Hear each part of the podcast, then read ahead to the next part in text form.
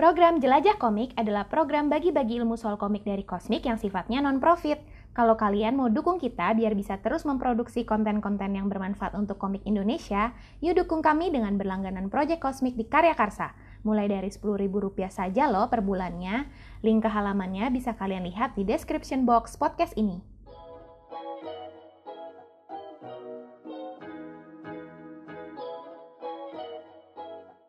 Halo semuanya, selamat datang kembali di episode 11 uh, Masih bersama saya Nana. Dan topik episode kali ini adalah Ngomik juga butuh riset. Dan untuk episode spesial ini kita bersama dengan Konjin. Konjin Sate dari uh, Instagram ya. Yang terkenal karena sering bikin uh, komik-komik dan konten tentang budaya Indonesia. Halo Konjin. Halo.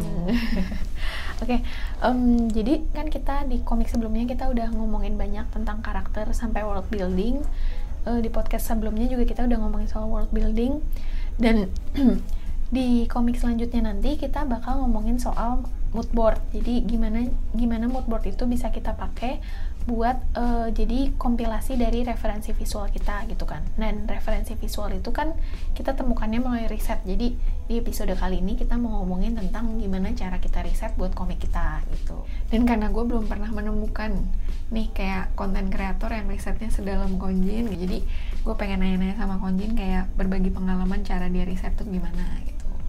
Nah jadi pertama mungkin uh, kita kenalan dulu kali ya sama Konjin. Nah Konjin nih uh, sejak kapan sih mulai suka gambar gitu dan sejak kapan juga mulai suka budaya Indonesia gitu? Jadi saya kan mahasiswa IKJ sekarang. Mm -hmm. Awalnya saya pernah kuliah di antropologi Unpad terus mm -hmm. mengalami depresi jadi saya pindah ke IKJ yang de lebih dekat rumah supaya lebih gampang dipantau. Mm -hmm. Nah, kemudian saya bikin akun konjin sate itu juga pas awal masuk DKV hmm. Untuk biar nggak terlalu stres ya. Sebenarnya buat berarti sebenarnya buat pelepasan stres juga yeah, gitu ya. Yeah. Oh itu dibikinnya pas masuk di kafe, yeah. di kafe IKJ yang sekarang ya. Yeah. Oke oke. Sekarang di IKJ udah semester 4 ya. Yeah. Hmm, hmm. Kalau dari tentang budaya Indonesia sendiri, sukanya tuh dari kapan sih sebenarnya? Sukanya mungkin dari SD dulu SD saya suka buku-buku kumpulan tentang 34 provinsi mm-hmm. yang ada baju daerah, eh, ada keris, ada mm-hmm. senjata rumah dan lain mm-hmm. sebagainya. Yang kalau sekarang kalau baca lagi saya suka kesel sama buku kayak gitu. Kenapa? Karena mengeneralisir gitu ya? Iya, kayak iya terlalu ah, iya, mengeneralisir. Ah, Soalnya Jawa harusnya ada banyak budaya lagi. Kalau Jawa, cuman hmm. dipilih hmm. berdasarkan oh ini yang paling unik kita tampilkan iya, iya sebagai iya, iya, iya, ikon uh, daerah sini. Hmm, iya sih kalau sekarang udah gede tuh jadi tahu ya sebenarnya maksudnya ternyata sukunya banyak banget gitu. Hmm. jadi kayak simbolisme per provinsi itu sebenarnya mm, ya Gak gimana ya menggambarkan, menggambarkan tapi mungkin di sisi lain karena provinsinya banyak banget iya yeah. jadi mungkin harus ya gitu lah ya kita agak dilematis gitu nah berarti dari SD ya udah suka budaya Indonesia tapi dari dulu juga udah suka gambar-gambar atau baca-baca juga gitu paling SMP itu udah masuk mulai ngefans sama Hetalia ya. Oh iya, iya Jadi Hetalia, ya. suka mulai gambar personifikasi Indonesia. Personifikasi Indonesia.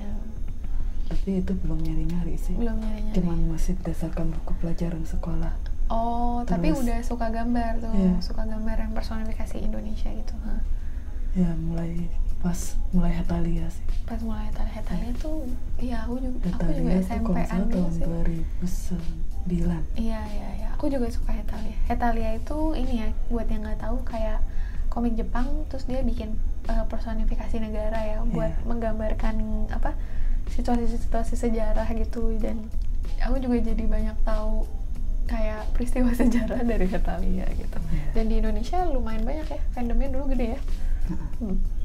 Nah, um, kan post dari post dan karya kamu tuh kan banyak yang risetnya butuh mendalam banget ya. Hmm. Dan aku juga udah mengalami kayak mencoba riset buat karya-karya merah putih masih terutama dan lumayan agak sulit buat dapet info-info yang dibutuhkan gitu. Hmm. Pas kamu ngeriset-riset gitu, ada kesulitan gak sih kayak pas mm, nyari-nyari bahan tentang Indonesia gitu sebenarnya secara spesifik tentang Indonesia ya. Kalau tentang budaya lain kan mungkin le udah lebih banyak gitu ya informasi hmm. publiknya kesulitan ya paling mungkin kan udah punya ide terus terlihat gampang terlihat sepertinya bisa dicari Mhm. ternyata banyak cabang-cabang lagi Uh, banyak detil-detil yang kayak mesti dicari lagi oh. soalnya kayak saya punya ide tentang apa tentang anting Mhm, Bali itu mhm. jadi Bali zaman dulu itu pakai anting yang namanya subang Heeh.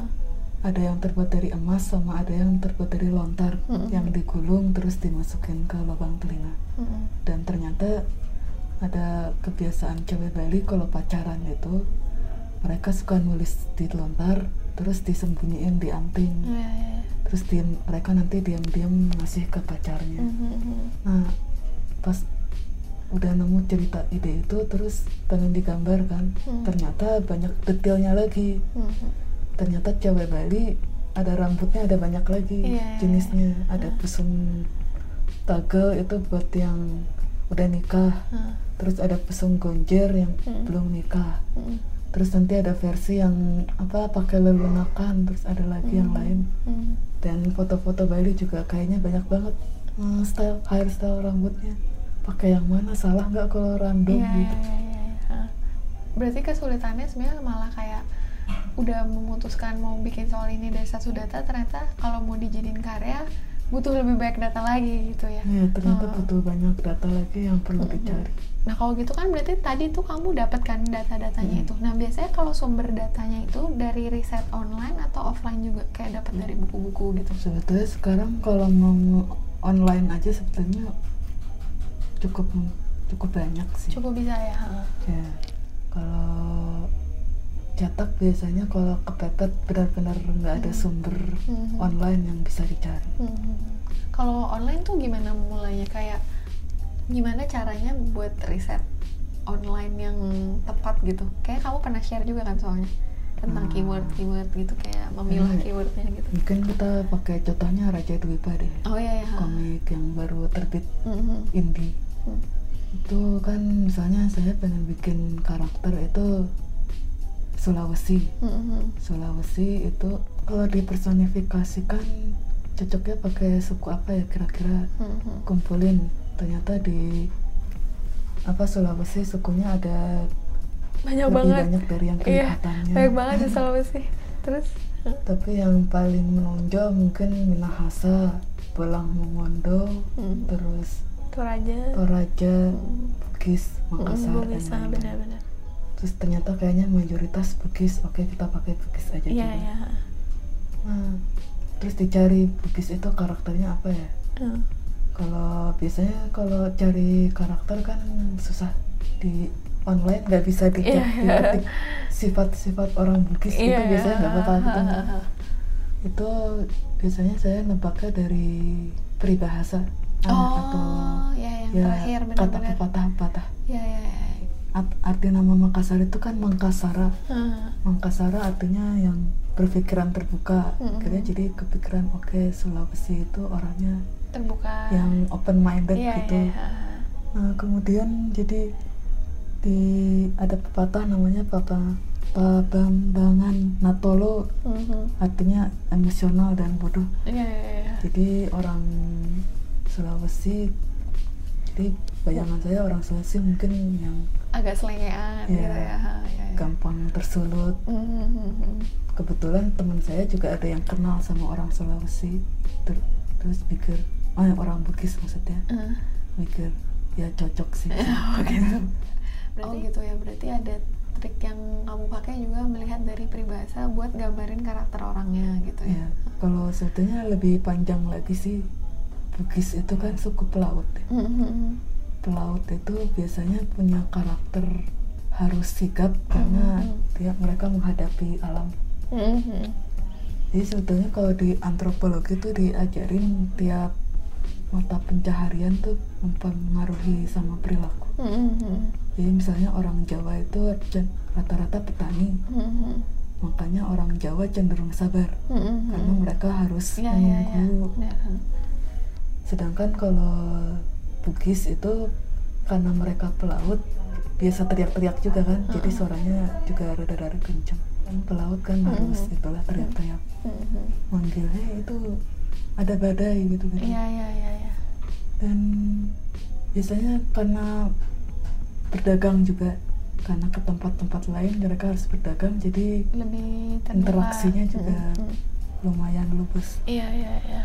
Oh, oke Jadi- berarti mm, ya itu benar sih yang mas tadi ya kayak kalau mau nyari sifat orang Bugis jangan langsung ketik sifat orang Bugis di Google gitu biasanya ya. ketemu Iya iya iya Hmm. harus mencari kayak apa ya mungkin aku, kebayangnya kayak main mapping gitu ya kayak Ya, maksudnya ya, mapping. eh, kayak dari sifat tuh apa misalnya yang ngaruh pekerjaan terus Iya, makanya iya. kamu cari peribahasa juga gitu-gitu ya. ya. Iya iya iya, ngerti Jadi sih ngerti. kalau pepatah itu rada-rada itu sih apa namanya bisa menjebak juga karena pepatah itu sangat jaim juga. Hmm, hmm, hmm, hmm. Jadi cuman yang di share di internet bisa cuman yang bagus-bagus Iya iya iya iya oke oke ngerti ngerti. Hmm, Itu sempat stucknya itu pas nyari Kalimantan. Hmm. Kalimantan kan mau cari pang ambil karakternya itu dari suku Banjar Mhm. karena Banjar yang pernah menguasai satu Kalimantan. Mhm, mhm. Kalau Dayak terlalu tertutup. Iya iya Jadi iya. iya. kalau mau cari mereka berinteraksi sama luar itu agak susah. Iya iya iya ngerti ngerti. Nah, tapi Banjar kalau di internet itu pepatahnya jaim semua. Oh gitu. Iya iya ngerti ngerti. Jadi beneran harus tanya orang ini karakter orang Ah, Banjar gimana iya, sih? iya, iya. Berarti sebenarnya kamu juga Gampang-gampang susah juga ya. Dan yang yang aku tertarik, kamu juga ngeriset sampai nanya orang-orang beneran ya. Maksudnya nggak Iya. cuma dari karena mungkin kita pikir riset tuh kayak cuma online atau nyari buku, tapi sebenarnya ya jatuhnya riset lapangan ya ya meskipun Iya. nggak kayak ke Banjarnya tapi Iya. kamu ny- nanya gitu kan kayak ke orang sekitar yang kamu tahu tentang Banjar gitu. Kadang-kadang kalau salah satu cara risetnya itu justru ngepost gitu. Oh iya iya. iya. misalnya aku bikin komik ini loh terus ngepost ceritanya begini begini kadang-kadang bakal kebait juga ada orang eh di Bugis kayak begini Iya, loh iya, iya. Nah itu langsung jadi malah mereka dengan Paham. rela memberikan tambahan informasi ya. nah itu dia Mhm. biasanya pengalaman saya gitu aja sih Mhm. jadi nggak harus berusaha sempurna dari awal tapi kadang-kadang bisa ada tiba-tiba orang langsung Yang justru entah mengoreksi atau menambahkan gitu ya. terutama jadi. yang paling seneng itu yang sukunya jarang ya disebut-sebut benar banget sih itu. mereka itu kan jadi seneng banget kalau Iya, misalnya sukunya akhirnya ternotis Iya iya jadi benar-benar. biasanya mereka bakal antusias ngasih Mm, mm, mm. sharing-sharing tentang Iya iya itu benar banget sih. Eh kalau misalnya nih kalau misalnya konjen sendiri pas eh, nge-research online gitu cara cara memilah data yang valid atau enggak gitu gimana sih? Eh, maksudnya bisa dipakai atau enggak gitu? oh, apakah harus yang benar tuh maksudnya data yang valid tuh apakah harus dari ahli atau oh, maksudnya kayak ini kurang terpercaya gitu. iya iya gitu. ha, ha, Oh, ha. pertama itu aja sih reliable Reliable, ya, ha, datanya ha. reliable apa enggak Ha, terus ha. kalau misalkan nggak reliable maka lihat misalnya berapa banyak data yang mirip jadi kalau di antropologi itu kan ada yang cari apa cara pengambilan data itu observasi caranya ngambil sampling. Mm-mm. kalau sampling itu kan berarti ngambil contoh dari masyarakat.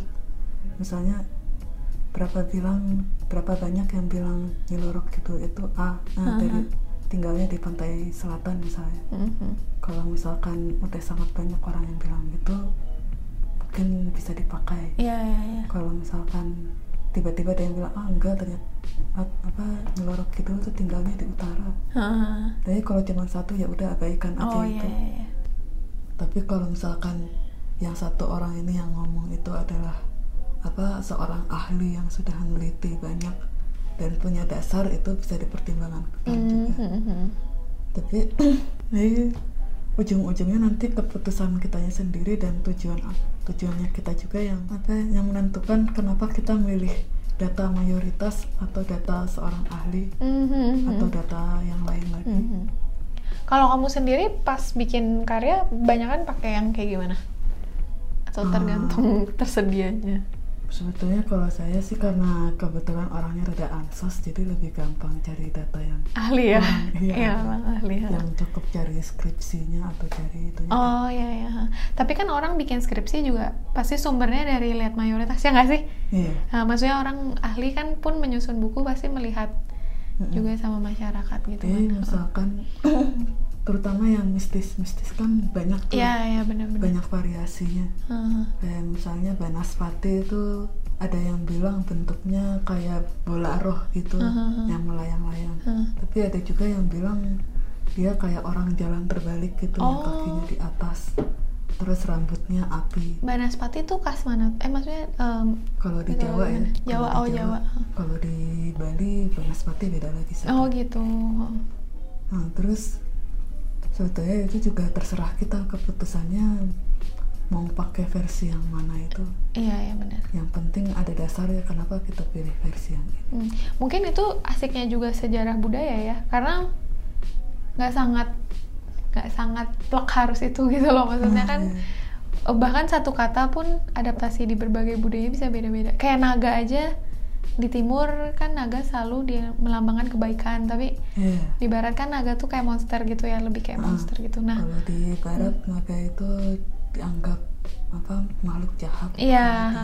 Kina membawa keberuntungan. Iya, bahkan di Indonesia, di Indonesia agak beda-beda sih. Cuma Iya. pasti dia lumayan sakral lah ya, bukan yang untuk dikalahkan gitu biasanya. Iya. Nah, karena budaya dan sejarah itu sih sejarah sih sebenarnya fact, tapi kan pencatatannya oleh persepsi yang beda-beda ya, jadi bisa Iya. beda-beda. Malah lebih asik karena kita bisa adaptasi dari berbagai sisi ya. Iya. Hmm, Kalau di kosmik itu kan saya pernah baca yang angkat Majapahit itu saya lupa judulnya Oh, iya. katanya Kak Oktoberinggi. hmm, Oh ya Surya Raka. Iya, ya. Nah itu kan tentang Majapahit dan antagonisnya adalah Kediri. Iya, ya. Kalau menurut saya itu juga acceptable sih.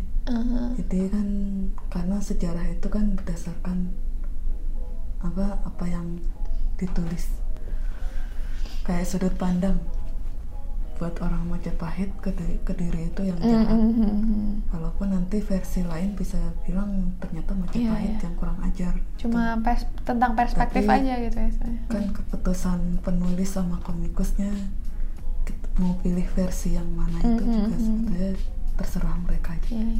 Sebenarnya possibility buat bahas ini tuh sangat endless ya. Maksudnya kayak banyak banget sebenarnya yang bisa diulas. Udah Hmm. udah satu hal pun bisa ngulas dari banyak sisi. Mm-mm. Di adaptasinya beda-beda. Jadi sebenarnya Iya. banyak banget ya.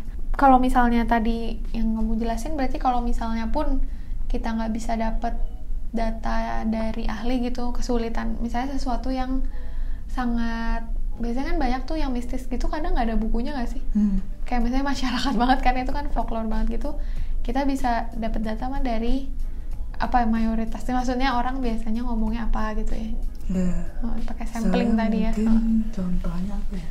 Tari sintren mungkin. Mhm. Jadi kan misalnya contohnya di apa di pesisiran itu ada tari sintren. Mhm. Tari sintren kan sekarang itu macam-macam dan Mm-mm. bajunya tuh nggak jelas. Ada yang pakai apa rok mini, ada yang pakai apa kain jari, kain batik, iya, juga ha-ha. pokoknya terus pada pakai kacamata hitam bahkan ada yang pakai kerudung padahal itu tarik kesurupan. Mhm. Nah, situ kan kalau misalkan baru pertama kali kenal sintren kan bingung banget. Waduh, aku mau gambar tari sintren, sama iya, iya. sintren tuh yang mana yang Iya, bener sih? ha-ha. Banyak versinya begini. Nah, terus kalau cari di buku kan bisa macam-macam juga. Hmm. Karena kalau daerah A itu, eh, misalnya dari daerah Pekalongan itu tari sintrennya untuk sedekah laut istilahnya. oh ya sedekah Terus kalau misalkan di Cirebon itu itu cuma tarian hiburan gitu pemuda-pemuda yang kurang iya. kerjaan, Uh, nggak uh, uh. punya kegiatan, Iya, akhirnya uh. mereka nari ya ya bikin acara gitu kan. Nah nanti sebagai kitanya yang mau ngangkat sintrennya itu bisa terserah juga, tapi asal konsisten gitu dan ada maksudnya. Hmm. Misalnya kan kalau kita pengen ngambil datanya tentang ngambil datanya Cirebon, maka jangan ngambil dari jangan Pekalongan. tiba-tiba ngambil dari Pekalongan meskipun sama-sama sintren gitu ya Iya. Uh-huh. Kecuali kalau ada maksudnya juga, Mhm. itu juga boleh-boleh aja.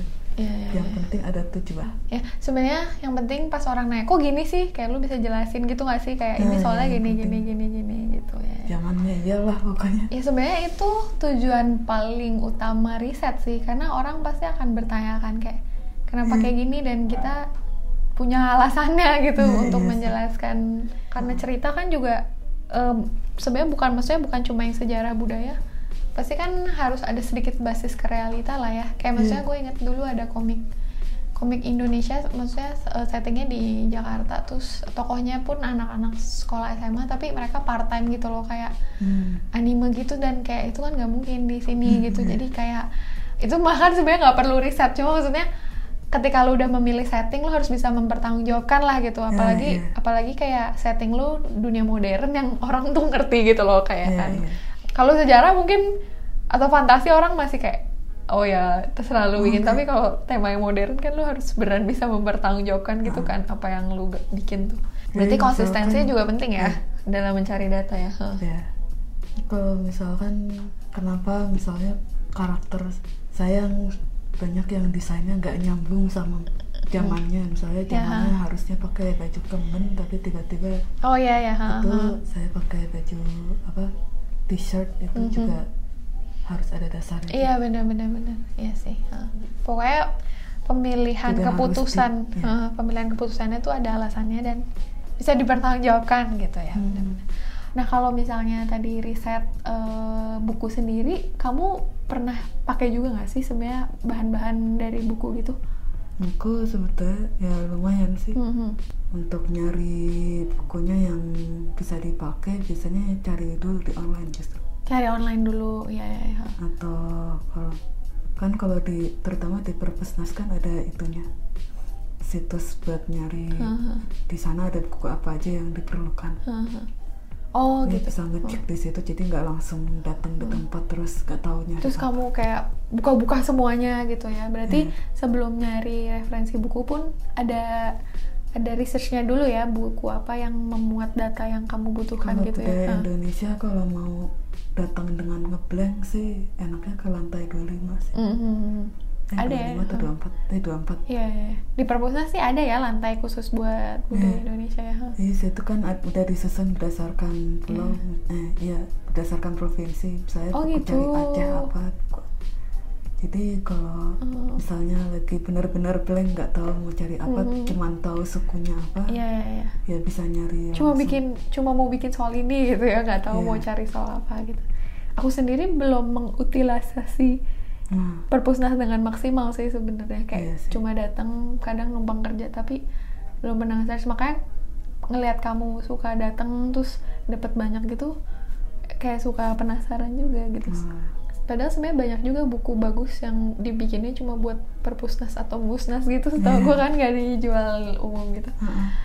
Em, kalau misalnya Konjin bikin kayak karya gitu, karya ilustrasi atau kayak komik gitu, biasanya kamu mulai dari kayak mm, udah ada datanya, terus pengen dijadiin sesuatu atau pengen bikin sesuatu terus baru cari datanya.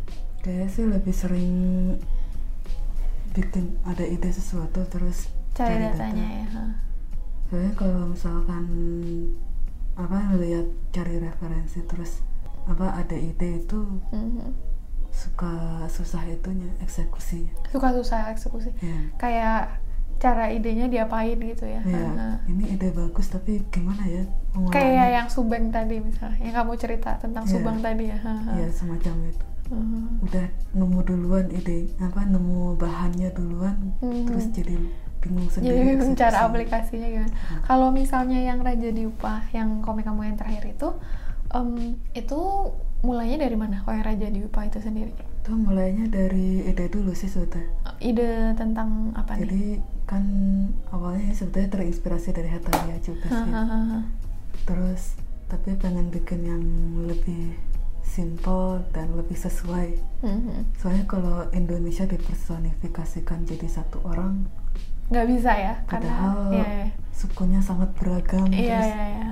kok kayaknya kalau misalkan beragam misalnya tiba cerita tentang apa kejadian di Jawa tiba-tiba kejadian di Sumatera begini kok kayaknya karakternya kayak Orangnya orang yang beda, berbeda bener-bener. kayak, ha. kayak kepribadian ganda gitu jadinya iya, iya, ha. gak cocok jadi mending bikin personifikasi baru kamu bikinnya per pulau ya ya Hmm. jadi akhirnya per pulau buat lebih gampangnya sih Ah, buat Walaupun lebih gampang ya. pulau mungkin kurang Ah. terlalu masih terlalu menggeneralisir tapi Hmm. ya lebih lah. lebih uh, menurut Konjin sendiri sebenarnya riset buat bikin karya itu se- sepenting apa sih maksudnya em, apakah kan emang kalau Konjin bikinnya tentang budaya dan sejarah ya tapi kayak sebenarnya yang butuh riset tuh karya yang seputar budaya sejarah doang atau sebenarnya semua karya juga mau genre apa pun tema apa pun tuh butuh riset gitu Hmm, kayaknya sih riset pasti selalu perlu tapi bobotnya beda-beda ya. oh iya iya benar Ya, Jadi misalkan kalau kita mau bikin buku dongeng tentang buat anak kecil itu Hmm. itu bisa mungkin lebih apa ya lebih gampang lah. Hmm. Eh, gampang nggak juga maksudnya nggak perlu Kayak sedetail iya iya iya nggak perlu kita mikirin detail bajunya bagaimana. iya iya iya Tapi kalau misalkan tema sejarah misalnya itu terutama untuk fans sejarah Mhm. itu bisa lebih berat lagi Mhm. karena kan apa fans yang suka sejarah itu suka merhatiin detail-detail yang Hmm. Nyebelin sebetulnya. Oh iya. iya, iya. Jadi misalkan Yang spesifik bikin- banget gitu ya detailnya. Iya. Hmm. bisa tergantung juga kalau misalkan pasarnya anak anak muda yang suka sejarah yang masih baru. Hmm. Jadi tujuannya cuma kita untuk memperkenalkan. Eh sebetulnya risetnya sendiri juga tergantung tujuannya kita mau apa. sih. Mhm. Berarti riset itu em, kalau buat kamu sendiri sesuai bobotnya aja ya dan Iya. sesuai juga sama konteksnya kayak eh, butuh risetnya tuh buat apa gitu bukan Hmm. sih? Hah. Jadi mungkin ini aja sih tipsnya kalau buat yang awam yang Mhm. pengen bikin komik, Mhm. nah, ya bik- ngangkat tentang sejarah atau budaya. Kan kalau dari pengalaman saya tuh banyak yang mau ngangkat itu tapi sangat takut dengan detail-detail itu. Mhm. Takut ini nanti nggak boleh, takut itu. Kalau saya sih ngerasa ya sekarang itu tema itu sebetulnya sangat diinginkan dan sangat susah juga. Tema budaya sejarah Ah. gitu. ha, ha. Tapi dikit yang mengolah Heeh, gitu yang ya. mau ha, ha. ngangkatnya juga dikit dan Hmm. biasanya membosankan. Biasanya dengan ya ya ya nggak nggak Karena mungkin karena terutama kalau takut. sejarah itu karena biasanya digambarinnya kayak cuman sekedar menggambarkan peristiwa, Iya iya. iya. kayak cuman misalnya tanggal 17 Agustus adalah dinyat dinyatakannya kemerdekaan Iya, Indonesia iya, iya. terus digambarkan Soekarno-nya dan lain-lain. Mhm. Kan sebetulnya bosanan Iya, cuman iya, iya, cuma iya. tinggal baca aja buku pelajaran gampang, iya. nggak Hmm. usah digambarin. Mhm.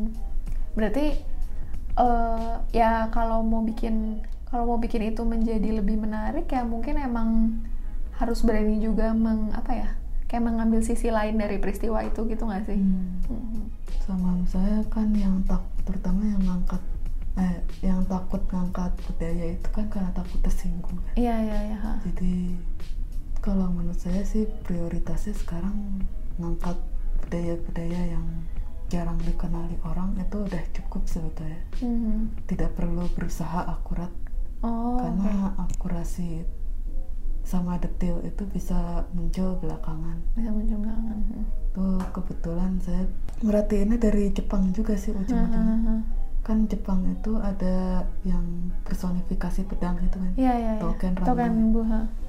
nah itu saya nggak terlalu merhatiin apakah mereka akurat apa tidak cuman mereka berhasil membuat anak muda di Jepang itu jadi tertarik bahkan fanatik Iya iya iya. jadi mereka sampai bawa-bawa katana Iya, ke mana-mana iya, iya, iya. sampai belajar cara ngurus katana bagaimana Iya iya iya. dan itu kan sebetulnya lumayan kita cukup perlu targetnya sebetulnya mungkin bisa cuman itu doang Iya, Nggak iya, usah iya. memaksakan kalau saya kita mau ngangkat tari Bali harus yang sangat detail dan Iya sangat itu benar-benar.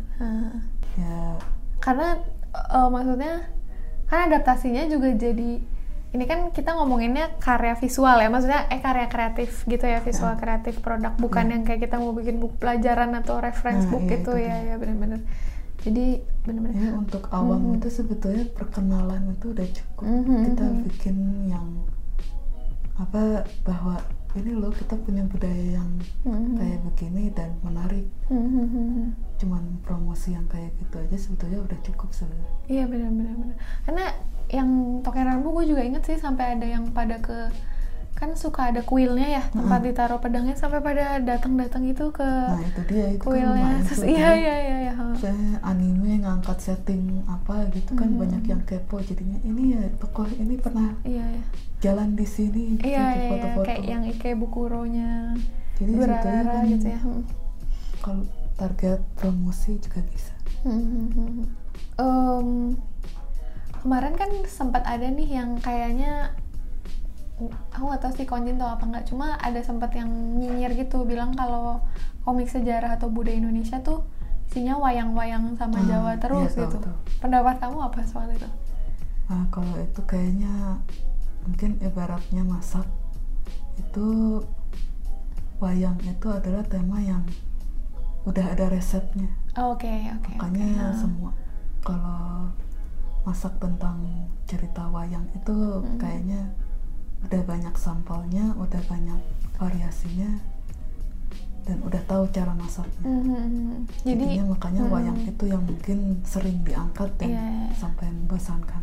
dan informasinya juga udah banyak banget gak sih maksudnya kamu ngeriset di internet pun tanpa perlu pakai kayak banyak teknik tuh banyak gitu kan hasil hasil saya datanya gitu ketik wayang aja wayang Mhm. Arjuna kayak gimana langsung muncul iya iya iya iya mau bahasa Inggris sampai bahasa Indonesia ada iya iya iya yang apa dari yang cuman blog yang repost doang Hmm. Iya, sampai iya, iya. beneran juga ada beneran semua. juga ada. Saya sebetulnya suka pakai metafora komik apa ya komikus itu seperti chef tukang Mhm, masak mhm, dan referensi itu kayak bahan makanan kan. mhm, mhm. Nah, kalau dari yang saya perhatiin orang Indonesia itu kan rata-rata kayak banyak yang jago ya. Mhm. Tapi jagonya itu jago masak makanan khas luar negeri. Mhm. Kesannya kalau saya iya. lihat. Hahaha. Nah, Mereka taunya ngolah data yang dari luar negeri gitu tah maksudnya ngolah Iya. bahan masakannya. Ya, jadi kayak misalkan mereka bisa masak itu cara bikin sushi. Mhm. Nah, terus dan kalau misalkan ngambil bahan Indonesia pun mereka memasaknya dengan Oh. Cara masak Jepang gitu. Iya iya iya. Jadinya iya, iya. Jadinya banyak yang dari dulu itu kayak merasa krisis ini makan komik Indonesia kok tapi rasanya Iya iya kurang iya, iya, banget. ngerti sih ngerti. Iya Jadinya iya iya. jadi jenuh juga akhirnya. Ha. Bisa jadi karena rasanya juga belum ketemu gitu gak sih? Ya nggak Nah, sih? iya. Ha, ha. Tapi Ya, rasa yang cocok buat semua orang. rasanya juga kayaknya Iya iya makanya harus eksplorasi terus sebenarnya. ya. Dan mungkin banyak yang kurang giat untuk itu ya makanya Iya. mengambil sampel teknik storytelling yang udah cocok di negara Hmm. tertentu dipakai di sini dan banyak yang enggak eh, banyak yang ya mungkin ada yang cocok ada yang enggak tapi akhirnya banyak yang bosan gitu ya. Oh. Ya, mungkin itu juga kira-kira alasan saya rajin ngepost tentang budaya itu karena Mhm. kira-kira saya ingin promosikan Mhm. Ini loh budaya bisa digambar bisa dimasak seperti ini Mhm. bisa diolah seperti ini Iya iya iya. makanya Raja Dwipa itu kan ceritanya rada-rada nyeleneh Iya kan. iya iya iya. Saya pengen menggambarkan kalau sejarah bisa dipandang seperti ini Iya iya. tidak perlu kaku yang harus Iya. semua karakter suci Iya dan iya. semua penjahat jahat Iya iya iya iya. gitu kalau saya perhatiin orang Indonesia itu kan sebetulnya suka bercanda Iya iya iya. dan kalau dalam budaya dan sejarah itu seolah-olah tidak boleh bercanda Iya benar Jadi- sekali. Kayak nggak boleh dibecandain gitu Ha-ha. ya. Padahal ya benar banget benar banget.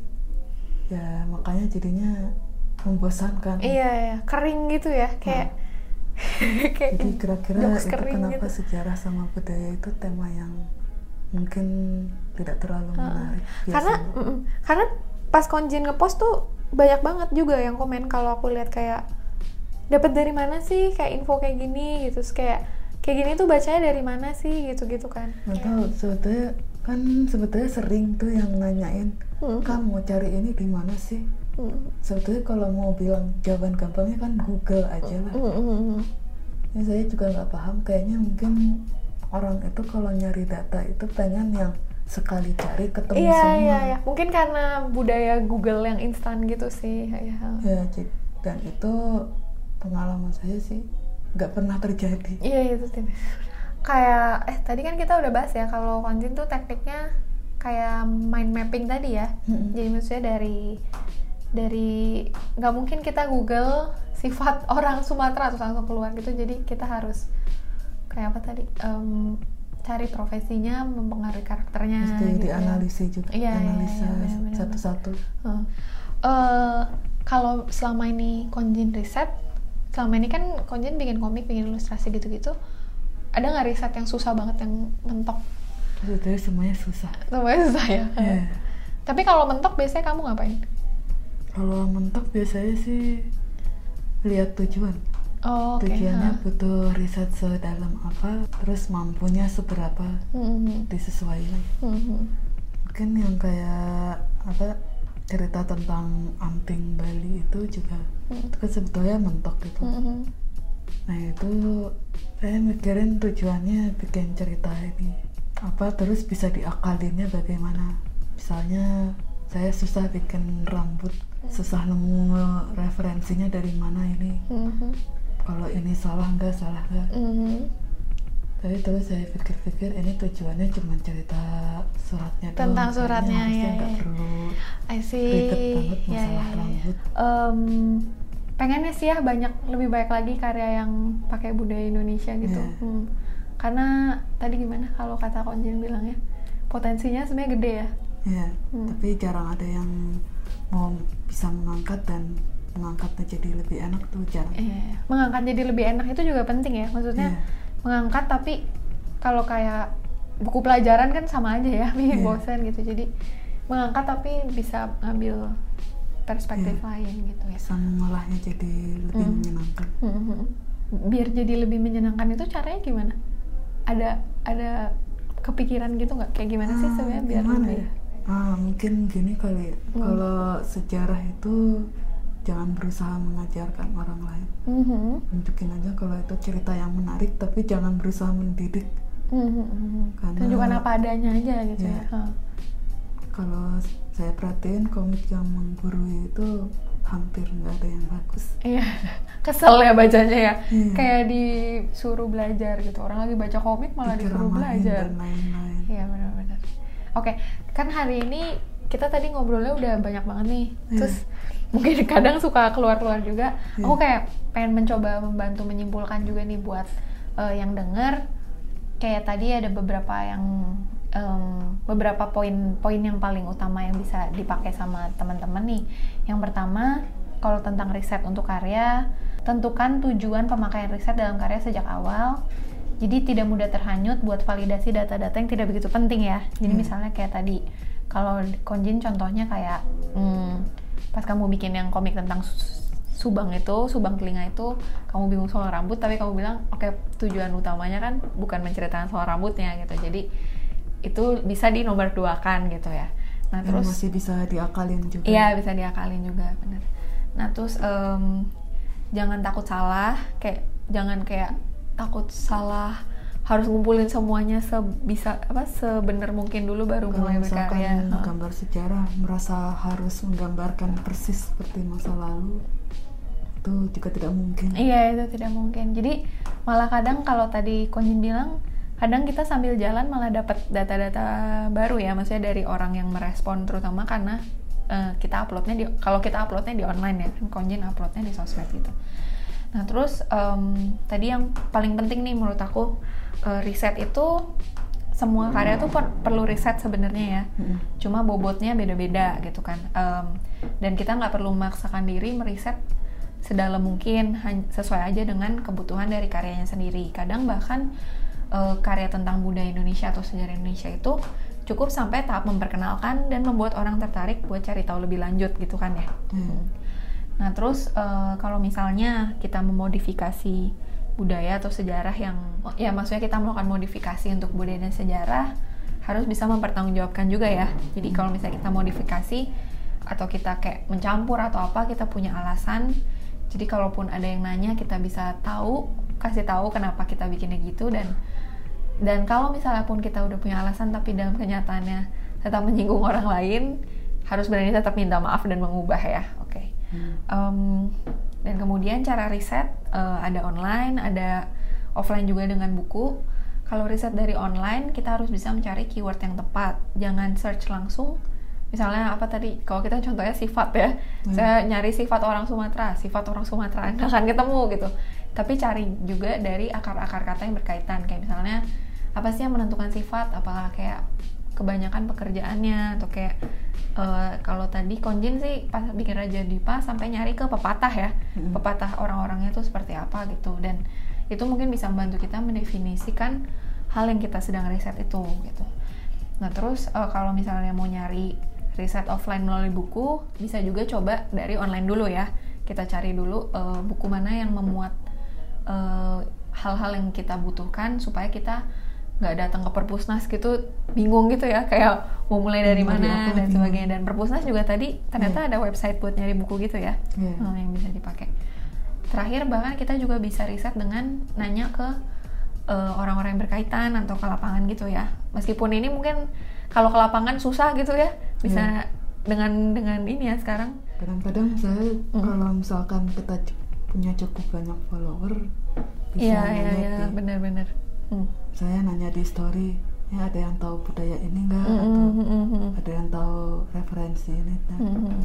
bisa begitu juga mm -hmm atau bahkan menurut menurut aku karena kita sekarang di Instagram tuh sebenarnya sekarang banyak banget loh akun-akun yang iya. tentang yeah. suku tertentu atau mereka komunitas suku tertentu. Yeah, Kalau kalian hubungin mereka, aku rasa mereka akan yeah. mau banget sih bantu kayak uh, ya tinggal cara ngobrolnya aja. Jadi nggak harus ke lapangan ya. Kalau sekarang karena udah ada internet udah maju banget ya malah bisa lewat yeah, online. Karena internet udah maju mm -hmm. jadi bener, banyak bener. cara untuk banyak cara buat riset. Yeah. Harusnya riset segampang itu ya sekarang yeah. ya karena udah udah udah ada internet gitu nah kalau misalnya ya tadi kalau misalnya risetnya ke orang bisa ambil metode bisa pakai metode yang tadi konjen cerita namanya sampling ya jadi kita ngambil uh, suara mayoritas kalaupun misalnya kalaupun misalnya ada data lain yang tidak mayoritas tapi memang dibikinnya sama ahli ya terserah ya mau pilih yang mana karena Kayak ini. misalnya contohnya uh, ada yang bilang Majapahit tidak pernah menguasai Asia Tenggara. Mm-hmm. itu kan